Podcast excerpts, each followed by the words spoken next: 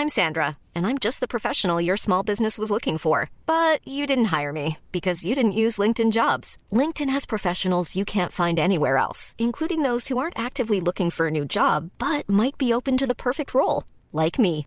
In a given month, over 70% of LinkedIn users don't visit other leading job sites. So if you're not looking on LinkedIn, you'll miss out on great candidates like Sandra. Start hiring professionals like a professional. Post your free job on linkedin.com/people today. Hallo allemaal en welkom bij de derde helft. We krijgen de smaak flink te pakken. Ik ben Tim en samen met mijn vriend Snijboon zijn we vandaag beland in het allerziekste kantoor in Rotterdam met twee voetballegends.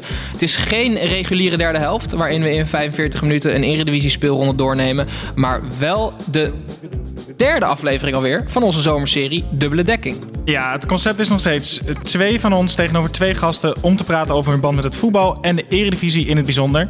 Vorige week spraken we met Frezia Cousinho Arias en Milan van Dongen, presentatietalenten van Fox Sports. We spraken met hen over de honger naar succes, social media en de dure auto van Mo Iataren. Deze week zitten we met oud-eredivisie-spits Geert en Oude en zijn voormalig trainer Robert Maaskan. Ik hoop dat toekomst koeken. Bij elke keuze twijfel ik. If Ona will fuck me, of course. Doe je leren bekleding, pak je een automaat. Ik ben wel even klaar met het uh, relatief voetbal.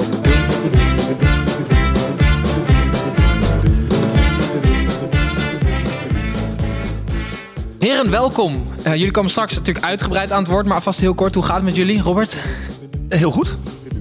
Dat was wel heel kort. Geert, hoe gaat het met jou? Ja, hartstikke goed. Eh, ik heb op maandag en donderdag altijd eh kleine Levi, mijn zoon, eh, eh, als... eh, nou, oppas ben ik niet van mijn eigen zoon natuurlijk, maar die heb ik op de dag altijd bij me. En die neem ik overal mee naartoe. En dat gaat hartstikke goed. Dus ik voel me als een vis in het water zo. En hoe kom jij aan een, een, een suitsachtig kantoor met uitzicht over de Erasmusbrug? Eh, nou ja, als, mensen weten zit ik al een tijdje in het vastgoed. En eh, samen met mijn compagnon heb ik dit drie jaar geleden gekocht als een investering eigenlijk. En zoals eigenlijk alle andere vastgoed wat we hebben. En dit is ons eh paradepaardje. Daar zitten we zelf in. Ja. Tuurlijk. Hij zei er ook niks over, hè? dus hij laat je dan ook zonder dat hij iets zegt zo door die deur komen. En dan, hij weet al wel welke reactie er gaat komen, dat is het mooie. Oké, eh, jullie, zijn, jullie zijn allebei afzonderlijk al een keer te gast geweest bij ons. Eh, maar zoals Snijboon altijd zegt tijdens onze tango-les... eh, it takes two to tango. Dus we verwachten vandaag vuurwerk. Vandaag zullen we een aantal scherpe voetbalstatements bespreken. En aan de hand daarvan ehm, gaan we ook een beetje praten over, over jullie. En hopen we dat we iets meer over jullie te weten kunnen komen. Halverwege hebben we het beruchte spel 45 Seconds. Robert kende het niet, maar we hebben het net even uitgelegd. Dus dat Hoe komt duurt dat? 45 Seconds. Gelukkig stietjes er niet bij. Ja, nee, Ja, zeker. Geert is er ontzettend slecht in. Ik zeg niks. Oké, maar voordat we echt gaan beginnen, gaan we een voorstelrondje doen. Zeker. Ehm, Geert, kan jij mij vertellen wie Robert is? Robert Maaskant? Nou, eh, ik zat, jij vroeg mij, joh, kan je Robert introduceren? En toen zat ik te denken eh, wat voor raakvlakken wij eigenlijk al hebben. En buiten het feit dat we samen voor dezelfde club hebben gevoetbald, wellicht eh, uit, niet, op dezelfde, niet op hetzelfde moment, eh, hebben we ook samen voor dezelfde club gewerkt. Hij als trainer en ik als eh, speler. En leuke nog is, eh, ik, toen ik in, in 1986 ben ik met mijn ouders naar Capelle aan de IJssel verhuisd. En in hetzelfde wijkje eh, woonde Robert of heeft daar gewoond met zijn ouders. Dus dat is wel heel erg grappig. Dat hoorde ik over pas later. Maar eh, De dwarsverbanden zijn daar. de dwarsverband, dat klopt toch? In de, de, de Merelaan, Merelhoven. Ja, Merelaan. Merelaan in Capelle aan IJssel, ja. Oké, maar daarnaast, ja, Robert onder meer gevoetbald bij Excelsior, Zwolle, Go Ahead, Schotse Motherwell. Zeer gewaardeerd voetbaltrainer, met een hele rits Nederlandse club met een paar uitstapjes naar het buitenland. Zoals Poolse topclub Wisla Krakau. Grootste successen, even kort op een rijtje. Promotie naar de Eredivisie met RBC. Europa League met NAC en kampioen met Wisla. Hij is vader. Hij is baas van hond Baron. Doet Tai Chi, geeft kiles en was natuurlijk coach van Geert en Oude. De baron van de Efteling bedoel je? Of? Ron van Ginneken. De hond van Robert Maaskant heet De Baron. Dat is al best geniaal. Eh, Robert, wie is eh, Geert? Ja, Geert is... eh, eh, wij kennen elkaar natuurlijk... We zijn best betrokken geraakt als speler en trainer. Kon je eh, van, enorm van Geert genieten met fantastische doelpunten, weergaloze acties en hele bijzondere momenten. Eh, afgewisseld met eh, eh, momenten dat je dacht... ik haal hij. Ik zag deze komma na zes minuten uit. Eh, Terecht. een van de meest betrouwbare personen die ik in mijn leven ken. En eh, altijd eh, gestyled, maar altijd op tijd. hebben vakanties met elkaar, met elkaar doorgebracht. En dat, dat is een, een, feest om samen met Geert dingen te doen. Maar bovenal, naast onze zakelijke relatie die we gehad hebben... want dat is trainer, voetballer toch een klein beetje... ook gewoon een vriend. Eigenlijk al heel lang zo. Dus wij hebben... We lopen de deur niet plat bij elkaar. Maar eh, als er iets is, dan eh, kunnen we elkaar altijd bellen. En eh, staan we klaar. En dat vind ik wel, eh, vind ik wel heel mooi. Mooie woorden. Eh, je bent oud Eredivisie-spits. Eh, je speelde bij Excelsior, Willem II, ADO, RBC en de Graafschap onder andere. In het buitenland bij Jugerdens. Gordon. Ik, ik- van deze kant had ik al verwacht dat er een verbetering Zullen we zo dadelijk een lesje Zweeds doen? Ja, eh, dat is de- al. Ja, dat is de, tweede- dat is de tweede, klokka, dat is de tweede helft. Waar klok Hoe laat is het? Valletta op Malta. Eh, Daytona Dutch Lions. Eh, je had derde spits bij Bayern kunnen worden. Eh, je hebt Paul Gascoigne ooit karpers zien vissen in China. Eh, En tegenwoordig zit je inderdaad in het vastgoed en eh, zorg je heel goed voor, eh, voor jouw paar maanden oude lachenbekkie Levi. Ja, zoals je net gezien hebt, ja. Ja. ja, er zijn moeilijkere kinderen, Ja. durf ik wel te zeggen. Ik moet zeggen, Levi is nu vijf en een halve maand oud. En waar we ook komen, mensen met kinderen, die zeggen allemaal... Geert, eh Meerte, Meerte is mijn vriendin, wat hebben jullie een rustig kind. Ja. En het is ook zo, hij is super chill. Hij helpt bijna niet als hij moe is en of als hij trek heeft. Ehm, eh, op het moment dat hij eh, naar de opvang gaat, maakt niet uit waar. eh, altijd goed, hij lacht overal. Hij slaapt van s'avonds elf tot s morgens eh, half acht. Dus we hebben echt... Heeft mensen die ooit kinderen willen wel echt een vals gevoel van hoe fijn het kan zijn. We gaan bijna beginnen, maar om de introductie helemaal compleet te maken, doen wij altijd even het rondje. Wie waren jullie vroeger op het schoolplein? Welke voetballer was jij als je met je vrienden ging voetballen, Geert, vroeger? Nou, ik was enorm fan van Dennis Bergkamp. Eh, niet dat hij nou heel veel ouder is eh, dan ik. Ik denk dat hij eh, in de 50 is of zo.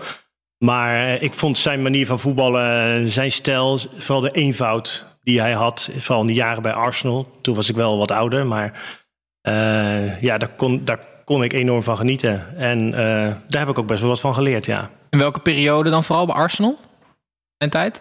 Eh, nou, de, de periode waar, waarin hij dat eh, fenomenale doelpunt maakte tegen Newcastle United, onder andere. Eh, het feit dat ik ook toen de tijd echt wel fan was van Arsenal, omdat er meerdere Nederlanders zaten. Mark Mm. Overmars, Glenn Helder, Van Bronckhorst daar nog. Ehm, ja, daar ben ik ook vaak naar Highbury geweest. Was echt, eh, was echt een feest om daar te zijn. Ja, Snijboon is eh, Arsenal diehard, hè? dus je weet dat dit eh, een kolfje naar zijn hand is. Ja, dat is zeker. Hier word ik heel blij van. maar ook heel weemoedig als ik bedenk hoe ik eh, weer naar. Villa Arsenal heb gekeken deze Ja. week. Nee, op dit moment is het geen pretje aan zo'n jaar of zes om Arsenal-fan te zijn, kan ik je vertellen. Ja, ja, dat weet ik. Eh, Robert, wie was jij vroeger op het schoolplein? Ja, daar heb ik heel lang over na moeten denken. Wij, wij speelden op een voetbalveldje trouwens. Ik, ik ben ooit in, eh, weliswaar in de stad, maar later ook nog in een dorpje. Eh, iemand voor mijn tijd eigenlijk, Johan Neeskens. Oh ja? Oh, mooi. En dat had, eh, eh, weet je, met mijn vader, ik werd een beetje gestuurd door mijn vader, denk ik. Dat ook een hele fijne speler vond. Eh, maar karakterspeler die, die eh, als die dingen aan de bal moest, dat zo simpel mogelijk oploste. En eh, ja, dus Neeskens was een beetje mijn, eh, mijn idool daarin. En nu gaan we door naar de echte dubbele dekking. Aan de hand van vier stellingen gaan we gewoon lekker praten over voetbal en over jullie. Ehm Snijboon, de eerste stelling is eh, van jou, hè? Ja, we dachten we beginnen even met een leuke gelijk. Ehm, Daarna wordt het allemaal kut. ja, Hoe durf je dit onderwerp aan te snijden? trainer zijn van NAC is veel moeilijker dan trainer zijn van FC Barcelona. Ja, nou ja, ik, doe- ja, die wil ik wel beantwoorden. Eh, In die zin dat ik nooit als trainer van NAC heb gewerkt. Wel van Barcelona. Ja, dat is heel dicht bij huis. Maar ik denk niet dat dat te vergelijken is. Weet je, de, de, de, als, je komt, als je kijkt hoe, hoe, hoe werelds Barcelona is. En eh, wij kennen NAC natuurlijk. eh, en, en dan ga ik niet verder, want dat moet Robert maar vertellen. Maar natuurlijk is dat een, even een lastige club in Nederland. Maar trainer van Barcelona zijn, dat is... eh, ja, dat is natuurlijk, komt veel meer bij kijken. Alleen denk ik heel erg wel hoe je als trainer er zelf in staat. Weet je, als je gewoon weet, ja, ik, ik kan morgen ontslagen worden. Als je daar heel relaxed in kan zijn, dan, dan, dan valt zwaar valt ook wel weer mee, denk Ja. ik. Oké, maar even een kort antwoord. Is het makkelijker om trainer te zijn van NAC of van Barcelona? Ja, Oké, makkelijker van. NAC. Ja. Robert? Het is in ieder geval makkelijker om trainer van NAC te worden. dan van Barcelona. Het is wel heel moeilijk om het te blijven. Eh, ja, en, en, en, eh, ik denk dat het best wel eens moeilijker zou kunnen zijn. Mhm. In de zin dat je met een ander spelersmateriaal werkt. Bij Barcelona is het natuurlijk wat, wat makkelijker. Dus, dus trainer worden bij Barcelona is vele malen moeilijker. Barcelona te runnen en te coachen, dat is minder moeilijk. En dat heeft ook nog een keer te maken met de afstand tot de mensen om je heen. coach van Barcelona. Ik heb toevallig ook stage gelopen bij Barcelona. Uh, er zijn zoveel dingen die je- ik niet van hem weet. ja, Nee, oh, er komen nog wel wat. We hebben nog even, toch? Eh, eh, daar, kan je ook af, daar kan je ook afstand nemen. Sterker nog, daar moet je ook afstand nemen. Bij NAC heb je met alles en iedereen te maken. Ja. En dat, dat verklaart ook heel veel waarom er zo ontzettend veel trainers sneuvelen bij NAC. Want je hebt te maken met de aandeelhouders, je hebt te maken met een businessclub, je hebt te maken met de vijfde kolonnes, je hebt te maken met je supporters die overal en alles van wat van vinden. Zoals een Breda noemen ze dat roeptoeteren. Eh, zou ik een leuke column vinden ook. De roeptoeteraar van de week. Maar eh, dus dat, dat is veel dichterbij.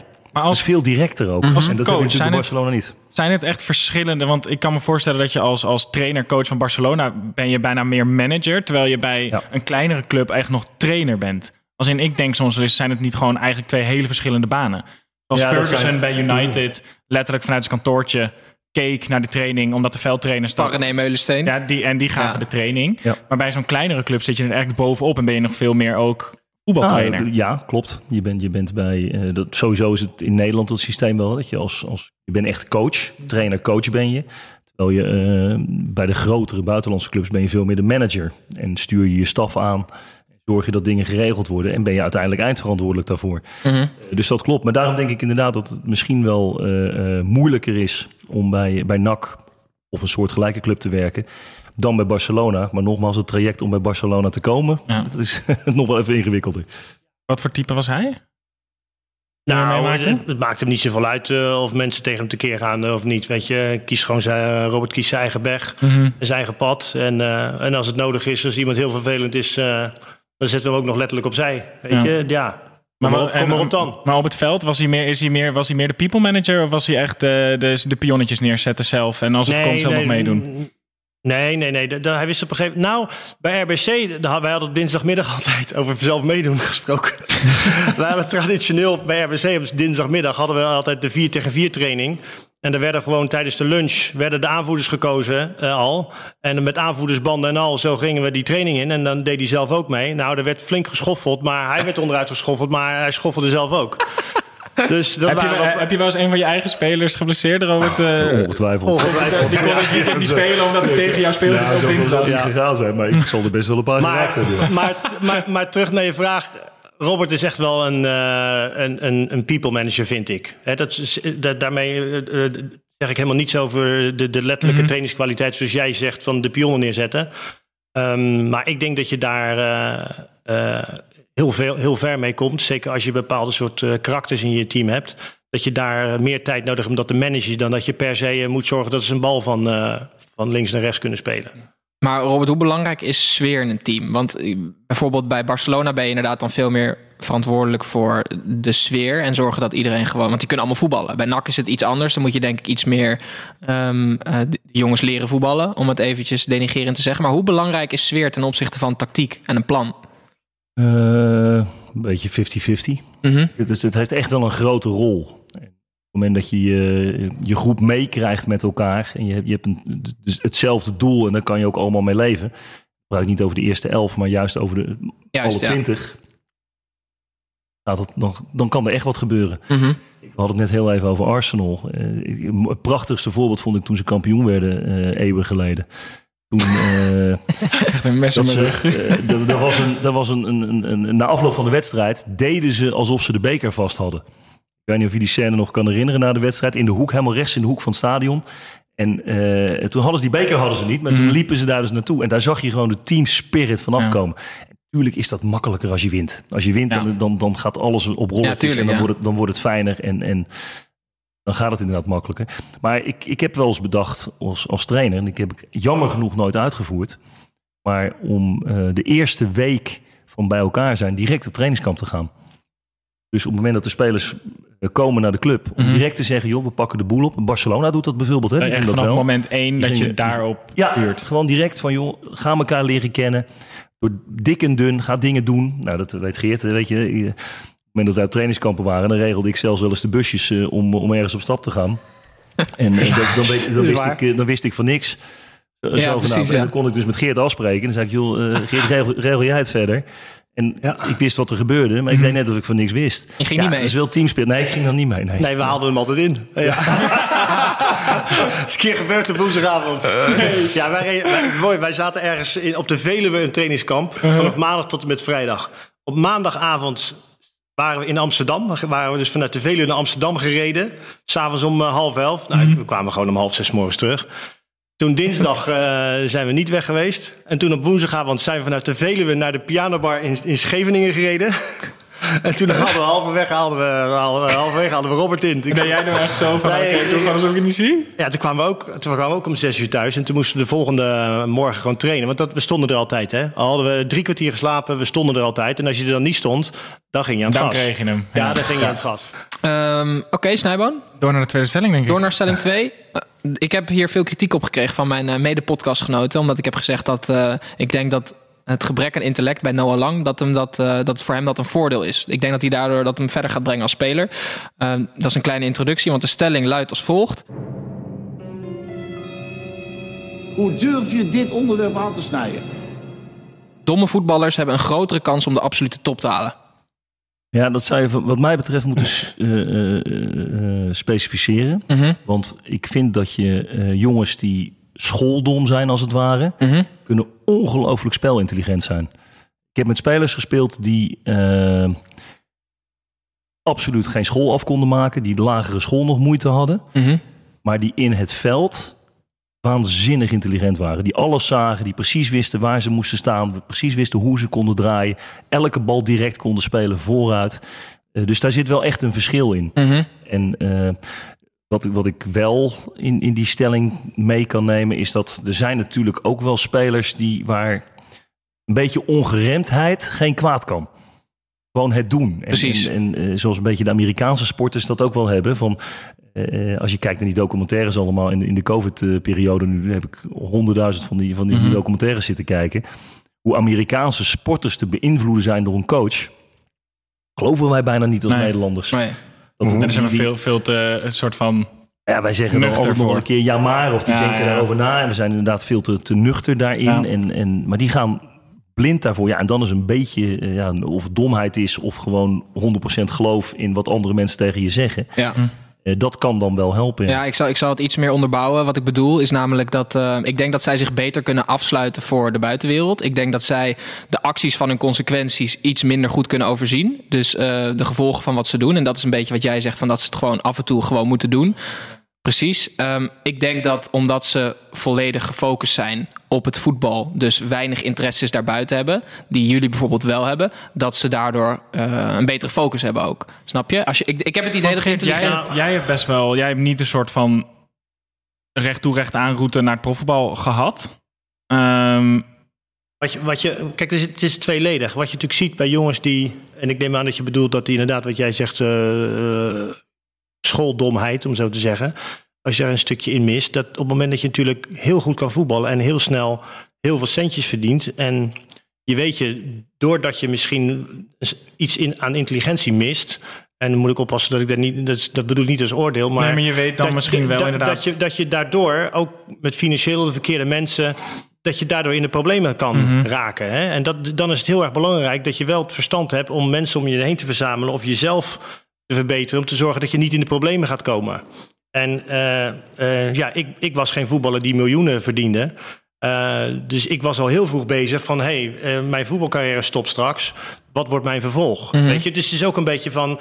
oké, ik besef waar ik, waar ik sta... en waar ik straks naar het voetballen naartoe moet... en daar ga ik op acteren.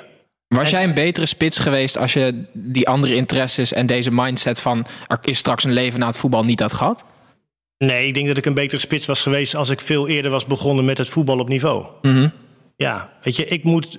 Ik ben nu, dat, dat klinkt een beetje gek... maar als ik nu aan het voetballen ben... vind ik mezelf veel beter dan dat ik vroeger ben.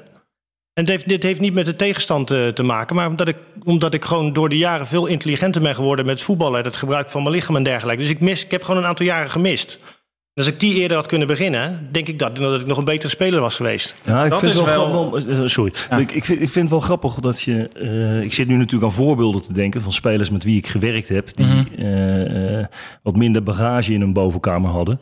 Maar die gewoon hartstikke goed waren. Mhm. Ja. Zeker. Ik ga het ook namen noemen, ook trouwens, maakt mij het uit. Luistert toch niemand.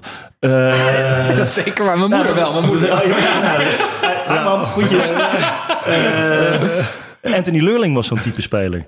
Die eh, was een, echt een fantastische gozer om, om te hebben in je elftal. Mhm. Maar die, die kreeg een keer een rode kaart eh, tegen Twente. In, in, in Breda was dat. Eh stond er gewoon iemand in zijn maag. Ja, daar strafte ik hem voor. Dat, dat ging niet. Ja, maar dat, dat kwam echt niet bij hem door. Maar in zijn spel, hij kon in zijn eentje kon hij een heel stadion op zijn kop zetten door, door gewoon een moment te pakken van jagen. En die afspraken hadden we dan ook. Als hij ging jagen, ging de rest gewoon mee. Dan moest je. Dus het was niet zo van, ja, dat, weet je, dat was vanuit een, een, een, tactisch iets van, joh, we gaan nu zo staan en als de bal dan gaat, dan gaat... Nee, Anthony gaf het zijn. En die ging in de blind soms zomaar lopen. Maar ja, dan ging hij 40 meter en nog een keer 40 meter en nog een keer 40 meter. Ja, en dan was de rest er wel bij. Dan ging het stadion er al achter staan. En dan gingen we allemaal een stapje harder. Dat is zo'n typisch voorbeeld. Waar ik, ik had best wel moeite soms om met de wat minder slimme spelers te communiceren. Eh, in de zin dat je dan op een ander niveau gaat praten. Eh, en da- dan moest ik mezelf als coach moest ik daar echt op aan gaan passen. En dus hoe raak je dan diegene? Hoe bereik Ja, je dan diegene dan op zijn wat meer niveau? Moeite, Ja. Wat meer moeite voor doen. Maar eh, Arjan Robben kan ik nog steeds enorm verbaasd over zijn. Nu nog. Als hij bij Bayern München gewisseld werd. Wat een stennis die dan trapte. Ja. Dan denk je, jezus man, je hebt heel de wereld gezien. Je hebt alles mee. Maar dat, dat is toch een soort van kortsluiting dan. Mhm. En, en ik denk ook, en daarom ben ik ook niet zo ver van, van eh, sportpsychologen. Ondanks dat ik daar zelf een boek over geschreven heb. Misschien Eh, daarom juist. Nee, maar ik denk ook dat op het moment dat een, een, eh, te veel gebruik van sportpsychologie en mentale training Mhm. een bepaalde drive weghaalt. Want die, die hebben het alleen maar over, ja, je moet focus, focus, focus. Maar eh, je moet alles eromheen weg laten vallen. Ja. Dat, dat, die Kijk maar de moet een bepaalde natuurlijke naar, drive hebben. kijk maar naar interviews die je ziet. Hè, van jongens die, eh, die helemaal gedrild zijn eh, door de perschef of door andere mensen. Je krijgt eh, hele verschrikkelijke interviews voor televisie. Het is, Niet te doen. het is ook helemaal niet erg als je een keer kritisch bent eh, tegen je trainer. Een Mhm. Een trainer mag toch ook kritisch naar jou zijn. eh, weet Ik, je? het, ik ben het helemaal met je eens. Ik vind het heerlijk als er gewoon mensen vrij... Ik heb het wel eens met, met, met eh, belangenvereniging van de coaches over gehad. Ik, had wel eens, ik maakte wel eens ruzie met andere coaches. En dan kreeg je een brief van, ja, dat mag je niet doen. Ik, ben- ik moet trouwens opletten, want ik ben nog lid ook.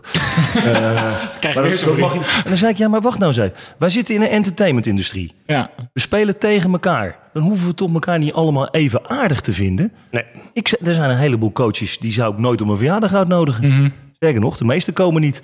En die, die zullen, Ook al nodig is die zullen, ja, die, zullen, die zullen mij ook niet zo aardig vinden. Maar dan denk ik, ja, kom op man. Weet je, er mag best een beetje vuur in zitten en een beetje natuurlijk gedrag. Het is ook wel, zeker voetbal, is ook wel een sport van, van natuurlijke eh, goede agressie. Ja. Ja. En dat moet je niet weghalen door allerlei opdrachten of door allerlei mentale trainers. Het doet mij ook altijd heel erg denken aan dat eh Nederlands elftal onder 21, die Europees kampioen werden toen. Ja. Als je nu, als je nu die elftalfoto's Ja. ziet, dat je echt denkt van, oh, daarvan heeft eigenlijk niemand, Babel. niemand heeft echt zijn belofte ingelost. Want Nee. ook Babel ging als een 19-jarige Nou, voor 20 miljoen naar Liverpool. Huntelaar wel hoor. Ja. Huntelaar wel. die zat er ook in. Ja. Maar de meeste van die jongens, als je nu die elftalfoto kijkt, dan denk je, oh ja, Ja. oh ja, oh, Nee, dat klopt. Nee, maar ook precies nog. het feit dat je inderdaad in het onder 21 van het Nederlands zelf onder 21 speelt, dan ben je al behoorlijk ver Ja. op die leeftijd. Ja, nee, 100%. Dus is Maar dat is wel mooi. Ik, ik weet nog dat eh, Frank Mosselveld, eh, Frank van Mosselveld, de huidige directeur bij, eh, bij RKC, was in mijn periode bij Willem II, eh, waar we trouwens ook nog Europees voetbal mee haalden. Dat stond niet in je inleiding. Eh, Sorry. Oei. Oei. Ja, ja, dit zijn dingetjes. als je dat bij Robert Ja. flikt, Ja, dan zit- weet je, heel de rest van zijn leven. Ja, dat- dat- dat- dat- dat- Jij wordt ook niet uitgenodigd op mijn Je moeder wel. Je moeder wel. Af en toe is het net Frans, snap ik wel, af en hoor. toe is het net Frans Adelaar. Zo rancuneus. Nee, totaal niet. Maar Frank van Mosselveld, die speelde ook in, eh, eh, in Jong Oranje. En, maar verleende daar op dat moment een enorme status aan. En ook binnen de club was dat van... ja, maar we hebben een toptalent in huis. Maar Jong Oranje is ook niet meer dan een selectie qua leeftijd. Ja. Want op het moment dat jij boven die leeftijd uitkomt... kom je in één keer in de pool van Iedereen. 21 Ja. tot 36. Ja. Ja. Ja. Ja, dan, dan is dat speelveld in één keer heel anders. Ja, dat is Dus waar. ja, je bent talentvol. Maar dat zegt geen moer over de positie die jij gaat bekleden binnen het betaalde voetbal. Nee. En daar lopen heel veel spelers tegenaan. Die, die vinden zichzelf op het moment dat ze in de jeugd Ja, die denken dat ze er zijn dan. Nou ja, dat, dat, dat, die worden natuurlijk erg groot gepraat door ouders, door omgeving, door, door mensen binnen de club zelfs. Ja, dat is niet altijd zo. En daardoor valt het wel eens tegen. Dat is een lange weg om het echt te halen. Wat ook wel eens tegenvalt is 45 seconds. Het is, eh, het is, eh, het is tijd voor je revanche, eh, Geert. Robert Ja, die zegt dat hij hier heel slecht in is. Die maar gaat dat is gewoon een beetje... Ja, precies. Eh, Gaan wij ik op elkaar omschrijven? doen? Ja, ja, met dat z'n tweeën een score neerzetten. Oh, we hebben z'n tweeën een score neerzetten. Dus je kan nu ook niet meer wegkomen met dat het Titus is en dat hij niks van voetbal weet. Wat Want- vind je moeilijk omschrijven? Of Nee, ik ga wel omschrijven. Oké, 3, 3, 2, 1 en go. Oudspits van Feyenoord, RBC, NAC. Henk Vos, Heel goed. Eh, middenvelder bij Nederland zelf speelt in Italië. eh, Martin de Roon, Eh, oud centrale verdediger van NAC, nu... Als, Rob Penders. Heel goed. Eh, wil terug naar... Is sprake van dat hij terug zou komen naar Nederland. Is net kampioen geworden in Turkije. Eh, Elia, Eh linksbackie, speelt in Duitsland. eh, linksback Jetro Willems. PSV gespeeld, ja. Eh, enorme talentvolle speler van AZ, voorin. Eh, Niet Stenks. eh, ja, nee, die, die donkere jongen. eh, goh, hoe heet hij nou? Ja, daar ben ik zijn naam kwijt. Ja, daar komen we zo wel op doen. Ja. Uh, Boadu, ja. Aanvoerder van het Nederlands elftal en Ajax. Aanvoerder Nederlands elftal en... eh, Klaar, jongens. Oh. Hè? Nu al? Ja. Nou, het ging niet slecht hoor, serieus. Vijf stuks zijn het. Oké, nou ja, prima Oh, dat kan ik helaas niet goedkeuren. Hoezo niet? Die werd toch genoemd? Wie is Danny Blind. Danny Blind, ik had... Ja, dit, dit hadden we echt... We zijn gekort in de tijd, heb ik het idee. Oh, dat mag je terugkijken. Je mist de pellen nog? Ja, maar die heb ik, had ik even overgeslagen. Omdat ik denk, ja, Danny Blind weet je, weet je in één keer. Oké jongens, nou... Geert wordt, Geert wordt er zo fanatiek van, die is helemaal vergeten dat hij ook een microfoon heeft. ehm, eh, Maar vijf, ik denk dat is dat, een goed, hè? eervolle tweede plek. eh, ik denk eervolle zesde plek of zo. ja. Maar de ranglijst is te vinden op ons Instagram-kanaal, Robert. Dus eh, je kan hem daar terugvinden. Ehm, Ja, we hebben het helemaal niet slecht gedaan. Ik, Nee, joh. ik kon niet heel veel sneller, Rit. nee. stelling nummer drie. Oh. Geert, Stelling nummer drie. Eventjes een kleine focus. Ehm, Hoe durf je dit onderwerp aan te snijden? een spits moet altijd en alleen afgerekend worden op doelpunten. Ehm, nee, daar ben ik het niet helemaal mee eens. Eh, om, ik, denk, ik denk dat, laat, laat ik het anders zeggen, ik denk dat je meer kan rekenen over de betrokkenheid bij doelpunten. Dat, eh, natuurlijk is het voor een spits eh, eh, voer om te scoren. En dat is ook voor het zelfvertrouwen van een spits echt wel belangrijk. Maar ik denk als jij, eh, als jij, als jij tien keer scoort en je legt ook nog twaalf ballen opzij, ik denk dat een trainer toch echt wel tevreden met je is. Oké, maar het hangt dus wel heel erg samen met rendement. Zeker, zeker. Als spits, weet je, eh, als spits is een positie om doelpunten te maken. En eh, over het algemeen worden niet de middenvelders aangetrokken om doelpunten te maken. Nee, maar ik bedoel, het voetbal evolueert zich wel. Ik, ik noem even Liverpool als voorbeeld. Roberto Firmino die is, is dan een soort valse spits, maar die zakt dan heel erg in naar het middenveld, zodat de buitenspelers kunnen scoren. Dus eigenlijk wordt het volgens mij, beweegt het voetbal zich steeds meer naar dat de spits niet meer verantwoordelijk hoeft te zijn voor het rendement. En sec misschien niet, maar ik denk nog steeds, eh, Robert Firmino scoort ook nog minimaal 10, 15 keer Ja. in de Premier League. Ja. Weet je, Nou, dus ik vind, dat, dat ben ik helemaal met jullie, eh, met jullie eens wat dat betreft. Ik, ik vind dat een spits moet nog wel doelpunten maken. Ja. Altijd. Of in ieder geval bij doelpunten betrokken zijn. En, Mhm. en de statistieken kloppen natuurlijk nog niet helemaal. Hè. Iemand die een voorzet geeft eh, en de kans wordt gemist... dan staat dat niet in je statistieken, wat heel raar is. Maar zoals Van Persie in de spits heeft gespeeld, bijvoorbeeld in die rol... Dat, dat, ja, dat is een andere rol dan dat een Bergkamp daar speelt... of dat een, een Huntelaar... Huntelaar is natuurlijk een- echt een persoon Ultieme om doelpunten te voorbeeld, ja. maken. Ja, Eh, ik ik denk kan dat helemaal je, niet voetballen. Ik denk dat je als trainer toch altijd wel op zoek bent naar doelpunten. Maar- en, en is dat, het in het, Geert, is dat in het moderne voetbal dan anders? Want ik denk dat, eh, dat vroeger, nu wordt het misschien een beetje tactisch, maar vroeger had je gewoon buitenspelers op de zijkanten die eh, aan de kant van een sterke been speelden, buitenom gingen en voorgaven. Waardoor je dus als spits waarschijnlijk meer kansen kreeg en als buitenspeler minder scoorde. Tegenwoordig spelen de meeste elftallen in de top met buitenspelers die naar binnen komen. ja. Dus worden er veel meer doelpunten verwacht van die buitenspelers, waardoor je als spits misschien minder Oké, scoort. Maar als ik nou eh, vijf topclubs, eh, topclubs ga opnoemen. Mhm. eh, en mag jij zeggen hoe, hoe de spits vergeert? Bayern München, Tottenham Hotspur, Manchester United. En je gaat er eh, vijf noemen die met een echte spits spelen. Ja. Ja, maar ja, dat is ook niet voor niks. dat is niet voor niks natuurlijk. Nee, maar als je bijvoorbeeld kijkt naar, naar een, een, een City of Liverpool RKC. of Barcelona. Die, die, er zijn ook in de Ja. top nu heel veel teams waar, eh, waar gewoon niet meer per se de echte spits altijd Nee, maar speelt. wat je, wat je, de- de, de redenatie klopt niet helemaal. Want je geeft aan van de, vroeger had je de buitenspelers. Maar tegenwoordig zijn die backs zijn Mhm. Ja. natuurlijk die buitenspelers. Ja. Want die komen in diezelfde positie en op dezelfde zones terecht. Mhm. Eh, dus die voor, er wordt natuurlijk minder eh, met voorzetten gedaan. Hè? De, de- AZ is daar een goed voorbeeld van. Ja. AZ zoekt veel minder naar de, naar, naar de cross. teruggetrokken Maar de- die, bal die ook. kijken Ja, veel meer naar de combinatie, naar de teruggetrokken ballen inderdaad.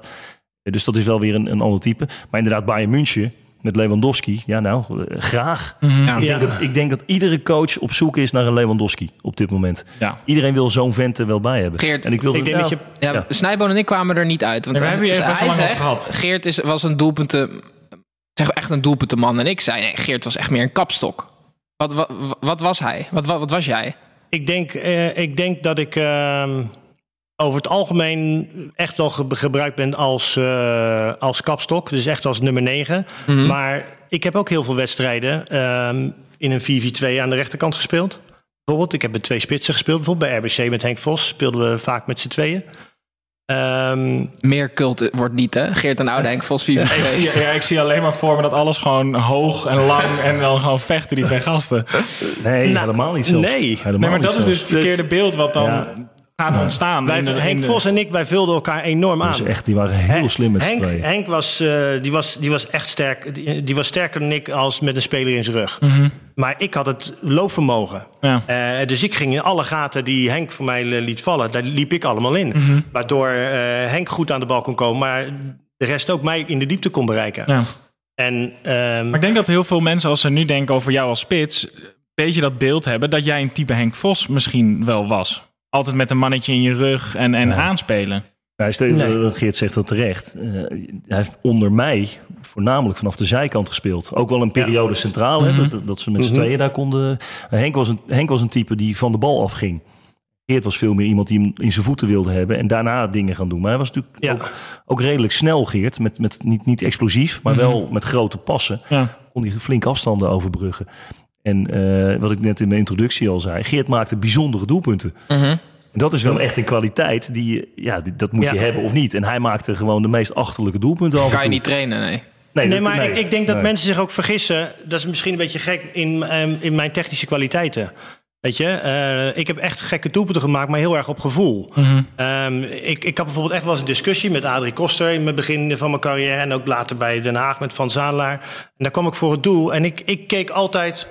Hoe kan ik het op het makkelijkste manier, de meest efficiënte manier een doelpunt maken? Het was voor mij niet gewoon blind schieten. Nee, ik chipte ook wel eens een bal omdat ik dacht van, nou, die keeper gaat naar de hoek, dus dat is mijn makkelijkste weg. Ja, dan bleef die keeper staan, pakte die bal met één hand en dan ging die trainer uit zijn dak. Ja. Ja, sorry trainer, maar de volgende keer doe ik het toch echt weer. In een volle kuip lukt het Maar- wel. En dan, doe ik, en Ja. dan gaat hij er gewoon in. Omdat Ja. ik, ik ging ook naar keepers kijken. Weet je, ik, ik, ik nam heel veel de tijd voor om te kijken... oké, wat voor keepers krijg ik eh, de volgende wedstrijd tegen me? Hoe reageren zij met bepaalde acties? En van tevoren wist ik dan gewoon, kom ik in die positie... dan ga ik zo afmaken. Eh, de vierde en laatste stelling eh, is als volgt. Ehm, het is doodzonde dat de voetballerij zichzelf zo serieus neemt. Ja, eens. Ja. We- we- we- ik denk Robert is dat we, de- enthousiast. we hadden er net al een beetje een voorsprongetje namen er ook op. eh, dat jij het ook had over de, Geert, over de mediatraining. En wat voor saaie antwoorden te komen. Nou, Ge- eh, Robert, jij had het net al over dat er een soort van verwachting is dat iedereen elkaar maar aardig mag vinden. En als dat niet zo is, dat de voetballerij dat heel eng vindt. Ja, ik ben, weet je, ik ben heilig overtuigd dat eh, de voetballerij is entertainment. En eh, in de entertainmentindustrie, dan moet je spelen op momenten dat andere mensen vrij zijn. Eh, en je moet wat bieden. Mhm. En daar hoort van alles bij. Daar hoort ook tegenwoordig de media bij. Daar hoort ook bij dat je eh, een keer laat gaan. wat misschien niet helemaal handig is. Je moet het wel fatsoensnormen blijven hanteren. Maar het, het allemaal zo netjes en zo saai. Daar geloof ik niet in. Waarbij ik dan wel wil aantekenen dat naast het entertainment voetbal ook wel een sociale grote rol speelt tegenwoordig. Eh, in, in gemeentes, in landen. Ja, ja. En dat het wel echt een enorme bindende factor is. Ik, ik haal nu even Nelson Mandela aan, zelfs in Mhm. de uitzending. Maar eh, dat sport eh, is natuurlijk overkoepelend. Ja. En voetbal is veruit de grootste sport in de wereld. En ook in Nederland. Dus voetbal heeft wel degelijk een hele grote rol maatschappelijk. Vind ik ook echt dat dat heel belangrijk is. Ik vind dat clubs ook daar absoluut rekening mee moeten houden. Mhm. Met welke plek ze in de maatschappij hebben. Met, met verantwoord ondernemen naar, naar jeugd toe, et cetera, et Ja, cetera. maar dat is wel echt, echt iets anders dan Ja, wat wij nee, nu precies. bedoelen. Maar d- dus die rol moet je nemen. Daar Maar die druk ook- staat er daar moet je daardoor ook wel verstandig in zijn. Ja, dus, dus eh, slechte voorbeelden, dan, dan moet je dus wel een klein beetje rekening mee houden. Amerika is erin doorgeslagen bijvoorbeeld. Mhm. Eh, maar ja, we zijn wel een entertainmentindustrie, zeg. Mag het alsjeblieft? Mag je wat minder serieus Mhm. nemen? Het is wel gewoon een spel nog Maar. Geert, denk jij dan omdat die druk er zo op staat op die voetballerij en op die soort van voorbeeldrol, dat clubs daarom gewoon en spelers denken: oké, ik neem het zeker voor het onzeker en ik deel gewoon zo min mogelijk. En, en als je naar die interviews kijkt, ik zeg eigenlijk gewoon niks. Nou ja, ik, ik, ik vind, eh, dat is tweeledig. Aan de ene kant vind ik juist dat je ook als topsporter, en laat ik het even breed trekken, breed trekken gewoon jezelf moet kunnen zijn. Hè? Dus, dus uh, of je nou met familie, vrienden bent en je post iets, weet je. Ik vind ook dat, dat je dat moet kunnen doen. En ik vind, Maar ik vind ook dat de, de mensen, de supporters die naar het voetballen kijken, het, het, het, het oeverloze uh, gezeik en uh, commentaar, en vaak nog anoniem wat mensen leveren ergens op, daar moeten de mensen ook mee stoppen. Want die mensen hebben namelijk zelf ook een leven en die doen precies dezelfde dingen. Ja. Weet je? Waarschijnlijk doen die meer fout, alleen daar staan niet honderd camera's op. Ja, en weet je, het gaat, het gaat er nog niet zo, niet zo eens zozeer wat goed of fout is. Het Mhm. gaat gewoon, laat elkaar gewoon in de waarde, weet Ja. je? En, en laat elkaar gewoon mens zijn. Weet je? En, en, en juist de- als je dus als topsport gaat zeggen, nou, we gaan dus heel verkrampt allerlei doen, ja, dan wordt het alleen maar in de hand gewerkt. Op het moment dat nu alle topsporters gewoon zeggen, hé, hey, wij gaan gewoon doen, we posten gewoon lekker wat we aan het doen zijn, en we gaan gewoon lekker verder, dan op een gegeven moment, dan, dan is dat gewoon, Mhm. en dan gaan mensen er ook niet meer op reageren. Ja. Eh, waar ik het allermisselijkst van word als ik denk aan de voetballerij, is dit. Ik word hier echt gewoon giftig van. Omdat volgens mij zijn het allemaal best wel leuke gasten. Gebeuren er superveel leuke dingen, ook in de kleedkamer en achter de schermen. Maar er is een soort van idee ontstaan van... eh, we moeten onszelf naar buiten uitdragen als hele serieuze gasten... zonder humor en zonder enige zelfspot. En dat zorgt ervoor dat er nul, nul Ja, begrip en nul zo- empathie vanuit Jan Pet op de bank komt. En dat vind ik gewoon ontzettend jammer. Want als ik met jullie praat, ook met Geert over vissen met eh, Paul Gascoigne en zo. Er gebeuren zoveel leuke dingen. Als die mediatraining gewoon afgeschaft zou worden en ze zouden gewoon zichzelf zijn, zou dat voor iedereen zoveel beter zijn, denk Ja, ik. ik weet niet of het aan de mediatraining ligt. Dat, dat is wel een onderdeel. Hè. Dat, dat, dat perschef, die houden al, perschefs houden alles kort. Ja. Eh, het, het is ook een beetje kopieergedrag. Nee, tuurlijk. Ja. Ik kom voor de camera en dan zeg ik maar... eh, je, je kan die... Ja, sorry, met, sorry voor Fox. Ik ben, ik ben er af en toe zelf natuurlijk nog werkzaam. Mhm. Maar als ik dan die interviews na afloop... Ja, je, je kan het van tevoren al een beetje uitkouwen. Ja, maar die journalisten die gaan er helemaal in mee in die hele rare, Ja. in die hele rare Ja, setting. Die kopiëren elkaar. Het is een jukebox waar je een muntje in gooit en dan komen wat standaard antwoorden. Ja. Er zijn clubs dan waar jij hebt gewerkt, eh, Robert. Zijn die, heb je daar wel eens eh, op je falie gekregen? Want jij bent, was ook als coach, ben je vrij uitgesproken. Ook in de media. Eh, ik- vanuit de club niet eens zozeer. Ik, ik heb wel, eh, nou ja, en daar heb ik rekening mee gehouden, want dat, dat vind ik dan wel zoiets. Hè. Bond voor het vloeken bijvoorbeeld. Ik, ik gooide er nog wel eens eh, eh, langs de lijn een vloek uit. Ja. En op een gegeven moment kreeg ik een brief van de, van de Bond voor het vloeken, of tegen het vloeken eigenlijk. Eh, van, joh Robert, kan je daar rekening mee houden? voor het lekker Robert Klassen bezig in mijn klootzak. Ja, die kunnen we altijd. Jij had op een gegeven moment ook zo'n papegaai op je dugout staan, weet je? dat, is, ja, dat is het embleem van de Bond voor het Vloeken, is een papegaai. Is dat echt zo, ja? Eh, Dat was vroeger wel zo, ja. Ja. Geniaal. Ja, maar ik- weet je, ja, daar hou je dan wel rekening mee. En eh, eh, de, de scène dat ik eh, vanuit emotie eh, de dugout in tweeën sloeg. Ja, dat is, dat is natuurlijk niet goed. Nee. Dat is niet goed, maar dat gebeurt je wel. En ik kom nu nog wel in Breda, mensen die naar me toe komen van... Ja, zo voelden wij ons ook. Ja. Weet je wel, dus dat, dat, dat is... Ja, ik vind dat het mag, terugkomend op de stelling... het mag allemaal best een beetje losser. En het mag best wel een beetje humor. En, en zo moeten mensen het ook Ja. wat meer gaan zien. Ja. Ik zou het bijvoorbeeld Ja. echt geniaal vinden als er nu een club op trainingskamp zou gaan. En dat je in het, eh, het nieuwsbericht de week daarna. Dat ze niet alleen zeggen: Oh, we hebben zo lekker getraind en bla bla bla. Maar dat ze ook die week daarna al zeggen: van ja, in één avond ook gewoon echt fucking veel gezopen. Ja, dat is top. Ja, Ja, maar dat- zes uur thuis. Ja, en dat kan dus niet meer, want dan krijg je dus heel, heel de supporterscharen. Ja, vind je het gek? Ze gaan allemaal Ja, zuipen. bij de eerste van- verliespartij is het... ons eh, geld, ja. wat natuurlijk niet waar is. Vaak de mensen Dat zuipen is wel waar. ja, en dan vaak de mensen met de kleinste seizoenkaartjes, die roepen het hardst. Weet je Ja. Die, die schreeuwen dan keihard tegen de, de, de, de grote businessclub mensen die tonnen in de club stoppen. Van jullie snappen er niks van en jullie zijn geen echte supporters. Ja, gewoon heel dom gedrag. Maar eh, eh, kijk, ik ben wel voor topsport. Hè. Ik ben wel voor... eh, eh, Ja, maar topsport moet- is niet maniacaal 24 uur per dag niks Nee, anders doen. geen- dat we is, zijn on- geen, dat is eh, onmenselijk. We zijn geen robot natuurlijk. Nee. Hè? De sporters zijn geen robot. dan, dan sta je toch helemaal onder hoogspanning de hele jaar. Nee, precies. Precies. Je, je mag, je mag best. eh, en ook in het veld, en dat gebeurt ook nog wel hoor. Er worden echt best nog wel dolletjes gemaakt in het veld. Maar die, ja, dat, dat zie je en hoor je bijna niet meer terug. Nee, want net, dan word je, eh, dan maar- word je dan op afgerekend. Ja, precies. Ja. En die In allerlei, angst, eh, ja, gewoon echte. Er zijn heel weinig mensen die nog gewoon authentiek zijn en, en roepen wat ze vinden. En daar ook een beetje de humor van inzien. Misschien moeten en wij dat de- vind ik jammer. de bond voor de authentieke voetballer oprichten of zo. Dat we gewoon... Ja. ik, ja, word Ja. helemaal verdrietig van Als als, dit- mens als ik en dit als, nadenk eh, over de interviews. BVAV. Als mens en als voetballer moet je gewoon af en toe gewoon goed Met een ontladen. papegaai als logo. Ehm, Robert, misschien heb je het niet paraat. Maar social media nu natuurlijk, vroeger was dat niet. Is, is er een verhaal of een, iets gebeurd waarvan je denkt van... wat ben ik blij dat er toen geen social media was? ja, ongetwijfeld. heel veel. Echt heel veel. Maar eh, eh, dat praat- je eh, als speler natuurlijk. zijn er heel veel dingen gebeurd. En dat we het over hebben, trainingskampen. Ja, weet je, ik kan me echt daadwerkelijk geen training meer herinneren van al die trainingskampen. Nee, nee, nee. Ik kan me zelfs geen wedstrijd meer herinneren van die trainingskampen. Maar de stapavonden, ja, Je weet elke legendarisch. Ja, natuurlijk. Het was fantastisch. We waren met, met Zwolle toen die tijd een keer in Groningen op trainingskamp in Norg. En, en dan gingen we nog met eigen auto's. Hè. Dat is tegenwoordig ook al heel, heel gek als je dat zou doen. Eh, en ik kwam na drie dagen kwam ik voor een voorschot bij de trainer. We hadden zaten iedere nacht met, eh, met Harry Sinkgraven en met Remco Boeren. En de vader van Deli Sinkgraven Mhm. trouwens. Eh, zaten Marco Koorman. ook weer een talentvolle zoon trouwens, wel grappig. Die, die komen nu allemaal langzaam de eredivisie inrollen. Zaten we iedere nacht in Groningen tot, tot zes uur s morgens. En dan s morgens wel trainen, hè? Dus, dus even niet slapen. Dat kon dan tussen de training nog wel door. Pikte je uurtjes mee. Ja, als dat soort dingen nu, dan zou je onmiddellijk op Instagram staan. Of op weet ik veel hoe al die dingen heten. Ro- Robert Ja. was een beetje de Dennis Rodman van gesnapt. FC Zwolle. Was hij af en toe moest hij gewoon even naar Las Vegas en dan kwam Ja. hij wel weer terug en dan stond hij er. Ja, nou ja, weet je, ik ben, ik ben een heilig de World nogmaals, Series. Ik geloof Ja. heilig Ja. in topsport. Ik geloof heilig dat je er alles aan moet doen om je lichaam goed te verzorgen. Om te zorgen dat je er staat op de momenten waar het om gaat. En op het moment dat jij eh, een keer een sapje gaat drinken. Of eh, eh, je gaat roeien met z'n allen. Of je gaat weet ik veel wat doen. Eh, maar in het weekend, op het moment dat er gepresteerd moet worden, dan sta je er. En op het moment dat er getraind moet worden, dan sta je er. Nou, heb ik daar alle begrip voor. En dat is wel een beetje weggeëpt. Ik vind de voetballerij, maar eigenlijk in de hele, hele topsport eh, is het een beetje doorgeslagen. Angst, angst regeert. We gaan door naar eh, het laatste rubriekje. De stellingen zitten erop. Dus het vuur wordt jullie niet meer aan de schenen gelegd. We gaan alleen nog even naar, Juist wel. naar Fantalk. En dat wordt ingeleid door Tommy Beugelsdijk. Jingle.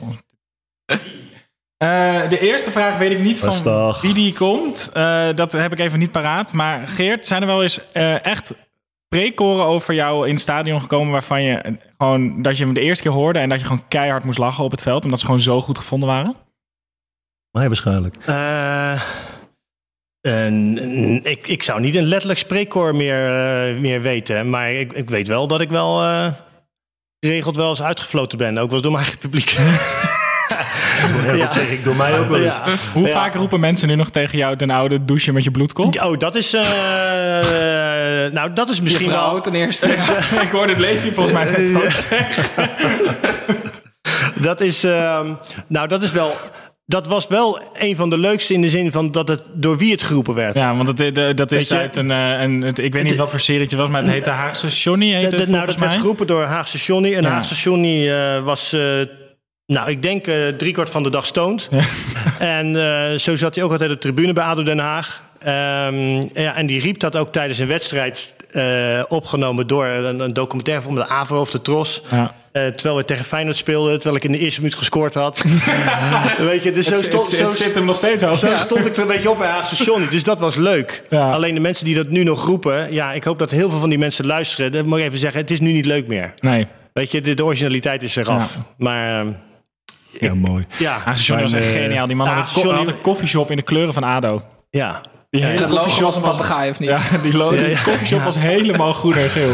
ja, en hij heeft ook een keer voor de rechter gestaan. Ik kan niet herhalen wat hij daar zei, maar... eh, Als ik niet betaal, betaal ik niet. Eh, Nee, het, is, ja, het was iets met eh, K en eh, Anker en... eh, nou, Eh, Robert, eh, Rutger Bulthuis die wil van jou weten hoe het eh, nu gaat tussen jou en Serdar Gözebüyük. Ik zal even context geven. Jij bent ooit het. Ik eh, heb een bandje thuis naar liggen. carnaval gegaan als Ja. Serdar omdat hij jou tijdens een wedstrijd het respectbandje toonde. Dat Ja. was het toch? En toen ben jij verkleed als Serdar met het respectbandje naar carnaval Ja, gaan. ik heb hem nog steeds liggen. Hoe gaat het tussen jou en nou, heel, heel goed. Heeft hij daar Eh, iets, ooit iets op gezegd? Of? Nou, we hebben, dat, we hebben eh, rond die tijd dat hij mij dat liet zien, hebben we dat toen uitgesproken. Mhm. KNVB heeft mij toen gevraagd om daar verder niet op door te gaan. Hè.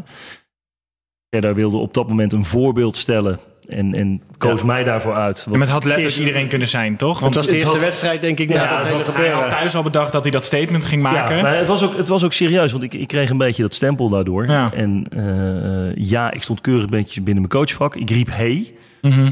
was ook niet, niet niet het klootzak, schelden. vuile en, eh, vie- toch? Ja, ja, echt. eh, Daarna kreeg hij ook een ja, brief ik had van de die bond tegen vloek al langs gehad, dus zeker niet. Eh Serdar en ik hebben s'avonds toen gebeld. En hij heeft toen tegen mij ook aangegeven... joh Robert, ik, eh, ik heb dat willen doen en eh, als, in het, als grote statement, KNVB heeft mij gebeld, joh, kan je het laten lopen? Nou, in het belang van het Nederlands voetbal en in het belang van eh, wat er toen aan de hand was, het overkoepelende verhaal met eh, de, de, de kopschopper, hè, de, de Mm, grensrechter ja, die ja. elkaar was geschopt. Vond ik dat volkomen logisch. En dan vind ik ook dat je er overheen moet stappen. En Serdar heb ik, heb ik hoog zitten. Als, niet alleen als scheidsrechter, maar ook als, ook als mens, als ondernemer. Mhm. Mag je op je verjaardag komen? gooie dingen. Die mag zeker Die op mijn categorie? verjaardag komen. Ja, en dan trekken we allebei zo'n leuk scheidsrechterpakje aan. Oh, mooi. Maar wat, eh, wanneer heb je besloten als hem te gaan naar carnaval? Eh, nou, vrij snel al. Dat was volgens mij kort daarna. Maar dat vind ik dus Eh, weer... Maar dit is precies waar dit we het is net precies over waar we het net over hadden. Van de, de voetballerij zou zoveel meer van zulke dingen moeten doen. Om het gewoon ook wat luchtiger te maken. Want heb je daar... Ja. Je hebt toch meer, hopelijk meer positieve reacties op gekregen. Dan, want er zullen ook heel veel eh, deugdelijke mensen... Oh, met carnaval zeker. Er wordt, er wordt erg om gelachen. Ja, Ja, tuurlijk. En eh, ja, ik denk nogmaals, ik vind dat die humor eh, redelijk belangrijk is. Ik weet nog dat mijn moeder een, een, een tijd lang uitgemaakt werd voor eh Maaskant. Maaskant, je moeder is een hoer. Mhm. Waarop ik toen aan de persconferentie ook gezegd heb van ja... Naar mijn weten heeft mijn moeder nog nooit gewerkt. Ja. En dat vond dat, dat Nee, vond- gratis. Nee, maar daar belden ze zelf over. Dat was, mijn moeder was heel boos. Die zei toen van, ja, ik heb echt nog nooit gewerkt. Dus dat, eh, Nee, weet je, maar dat soort... eh, je kan ook wel oversensitive zijn. En Ja. ja, natuurlijk moet je eh, eh, binnen de grenzen van dingen eh, moet je blijven. Maar Ja. eh, ja, een beetje En een grap mag, en en een grap, weet je, wij hebben in Nederland ook het recht dat een grap wel eens verkeerd mag vallen en dat je wel eens erachter mag komen dat je een verkeerde grap hebt gemaakt Mhm. zonder daar eh, iets racistisch mee te bedoelen of whatever Ja. het over gaat, weet je. Het lijkt wel, het met lijkt wel alles of wij- wat je zegt, Het je- lijkt wel of topsporters of mensen die in de spotlight staan geen fouten meer mogen Nee, maken. nou, het is vooral, ik denk dat je inderdaad, je mag gewoon fouten maken. En je bent verantwoordelijk voor wat je zegt en ook voor de reactie daarop komt. En als je dan terecht wordt gewezen, dan moet je ook gewoon kunnen zeggen, oké. Maar dat gebeurt dus te weinig. Er zijn dus te weinig mensen die dan zeggen... sorry, eh, mea culpa, ja, het is dat mijn was fout. dom. En, ja. No- Johan Derks als voorbeeld. Als hij veel eerder had gezegd... jongens, het was echt een slechte grap... eh, over dat hele racisme. We gaan het niet weer aanboren. Nee. Maar ik denk dat dat wel echt een, een stuk had kunnen helpen. Mhm. Nou, maar er was nog één vraag trouwens. Over, heb jij die al opgeschreven of niet? Over of het nog goed komt met NAC. Ja, dat, wa- die is van eh The Freak. Die vroeg op Twitter, eh, komt het nog goed met NAC? Ik hoop het. Zijn er allemaal freaks in Breda? Sowieso. Op Twitter ook trouwens. Nee, we, hopen het, we hopen het allemaal. Ja. Want NAC is gewoon een, een, een, fantastische club die eh, eh, het verdient om, ja nu niet, want ze spelen niet voor niks de eerste divisie, maar Mhm. eh, de grootte van de club, de, de toeschouwersaantallen, Ja. het stadion, dat, dat hoort in de eredivisie. Het is goed voor de uitstraling van de eredivisie. Het is goed voor een club als NAC. Het is goed voor een club als Breda, waar mijn kinderen zijn net naar het NAC voetbalkamp geweest. Ja, daar lopen al die ventjes in die geel-zwarte shirtjes Ja. rond. Eh, in een voetbalstad, en dat, of dat nou hier is, in Rotterdam waar we nu zitten, waar dat extreem met Feyenoord is, hè, wat minder met Excelsior en Sparta misschien. Maar zeker in Breda is het fantastisch om te zien dat vaders met hun kinderen naar het stadion toe gaan. En dat is een traditie die, die moet blijven. En NAC is traditioneel, want iedereen denkt dat het een eredivisieclub is. Mhm. Eh, maar die zijn natuurlijk al jarenlang, misschien hebben ze wel lange eerste divisie dan eredivisie Ja. gespeeld zelfs. Ja, ja. Dus het is helemaal niet zo heel raar dat ze af en toe een keer eh, naar beneden kelderen. Maar ik hoop, eh, net als alle Bredanaren met mij, dat ze heel snel weer promoveren. Ben jij benaderd toen Hiballa ontslagen werd? Nee. Zou je het doen? Eh, als trainer? Ja? Nee. Waarom niet? Als speler? Nou, ik, ik- ik ben vorig jaar nog eventjes eh, eh, bij VVV ingestapt. Mhm. Eh, nou, dat had ik denk ik carrière technisch gezien eventjes beter niet kunnen doen. Ik ben me aan het, aan het richten op beleidsfuncties binnen de sport. En dan sportbreed. Dus niet, Mhm. niet sec alleen voetbal, maar het kan best voetbal zijn. Ehm, en dan moet je niet nog een keer op het veld gaan staan. Maar goed, dan, dat is dat, was dat toch bij mij nog... Het zit zo diep in me, dat trainersvak. En ik vind het zo leuk ook om te doen. Mhm. Dan moet je dat doen. Maar ik zou bij NAC geen trainer meer worden. Ik, ik technisch manager of technisch directeur zou ik een ander verhaal vinden. Maar dan zou dat echt op de lange termijn moeten zijn. Maar ook daarvoor ben ik niet benaderd. Ik heb wel veel contact met Peter Hiballa gehad. Want die woonde heel toevallig eh, tegenover me. Ik vind dat ook een sympathieke gast. Wel. Peter is natuurlijk een, een, een gek. Ja. Eh, positief gezien. Positieve gek, Ja. toch? Is Ja. een positieve gek, maar een enorme vakman. En, een- ik ken hem niet inhoudelijk verder in de zin Meer van... bevlogen dat- ga je ze ook niet- bijna niet krijgen, toch? Dan Nibala. Nee, nee, ik heb niet met hem gewerkt. Dus dan Ja, vind ik het altijd heel moeilijk om... om maar maar de, passie die hij heeft voor die sport... eh, die is enorm groot. En ik vond hem ook goed bij NAC passen. Maar goed, daar zijn weer dingen gebeurd die eh, onverklaarbaar zijn voor, eh, Ja. Ja. voor in ieder geval mensen buiten de poort. En daar ben ik er eentje van. Geert, ben jij benaderd toen Hiballa ontslagen werd? Eh, nee, ik word nergens voor benaderd. eh. Gaan we, gaan we jou nog echt terugzien in de voetballerij?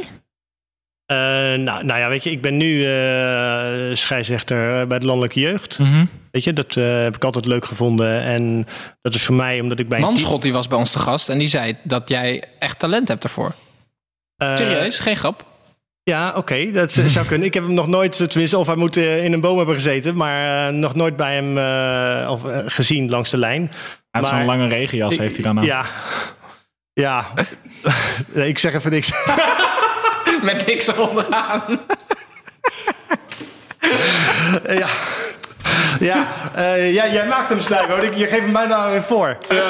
Nee, Hij dat is echt maakt gewoon wel. jij denkt, maar, nee, nee, maar eh, ja, Oh, nee, ik dus zeker. Ja, ja. Nee, maar weet je, ehm, ehm, weet je, toen de tijd, ik vind scheidsrecht heel erg leuk en het feit dat ik het nu weer ben gaan doen, is enerzijds omdat ik eh, in een voetbalteam zat eh, waar ik te fanatiek voor ben, Mhm. nog steeds, ondanks dat ik eh, bijna 44 eh, ben. Ehm, maar ook omdat ik eh, misschien wel een voorbeeld wil zijn voor heel veel andere scheidsers waarvan ik vind dat ze, ja, dat ze, dat ze, dat ze er te makkelijk mee zijn. Weet je, er wordt heel veel over, eh, over wedstrijden die eh, nou ja, de escaleren. Weet je, dat dat. eh, eh, dat het door spelers komt. Maar ik zie heel veel dat het ook heel veel aan scheidsrechters ligt. Hè? Dus, dus hoe ga je met spelers om? Hoe lees je een wedstrijd? Hoe lees je tegenstanders? Waar moet je op letten? En dat is ook een, op de een of andere manier een drive eh, van mij om te laten zien dat het ook anders kan. Ja. Weet je? En, eh, maar ja, ik heb nogmaals, ik heb er echt heel veel plezier in. En eh, ik ga nu landelijk fluiten en daar heb ik echt heel veel zin in. Het, Leuk. Uitstekend. Eh, Nou, dat was hem dan. Aflevering 3 van onze zomerserie Dubbele Dekking. Geert en Robert, allebei hartstikke bedankt. Ja. Geert, volgens mij moet je Levi verschonen zo. Leven ligt lekker te tukken. Oh, prima, dan gaan we nog even door. Nee, de komende weken staan er nog meer mooie duo's opgeleid. Eh, ben je al geabonneerd op ons YouTube-kanaal, Robert, of nog niet? YouTube, wat is dat? Hij heeft geen idee, hè? Nee, natuurlijk niet. Oké, jongens. Nou, eh, hartstikke bedankt. De groeten. En Snijboon, ik zie jou eh, straks weer, denk ik. Denk ik wel, moet samen weer naar huis.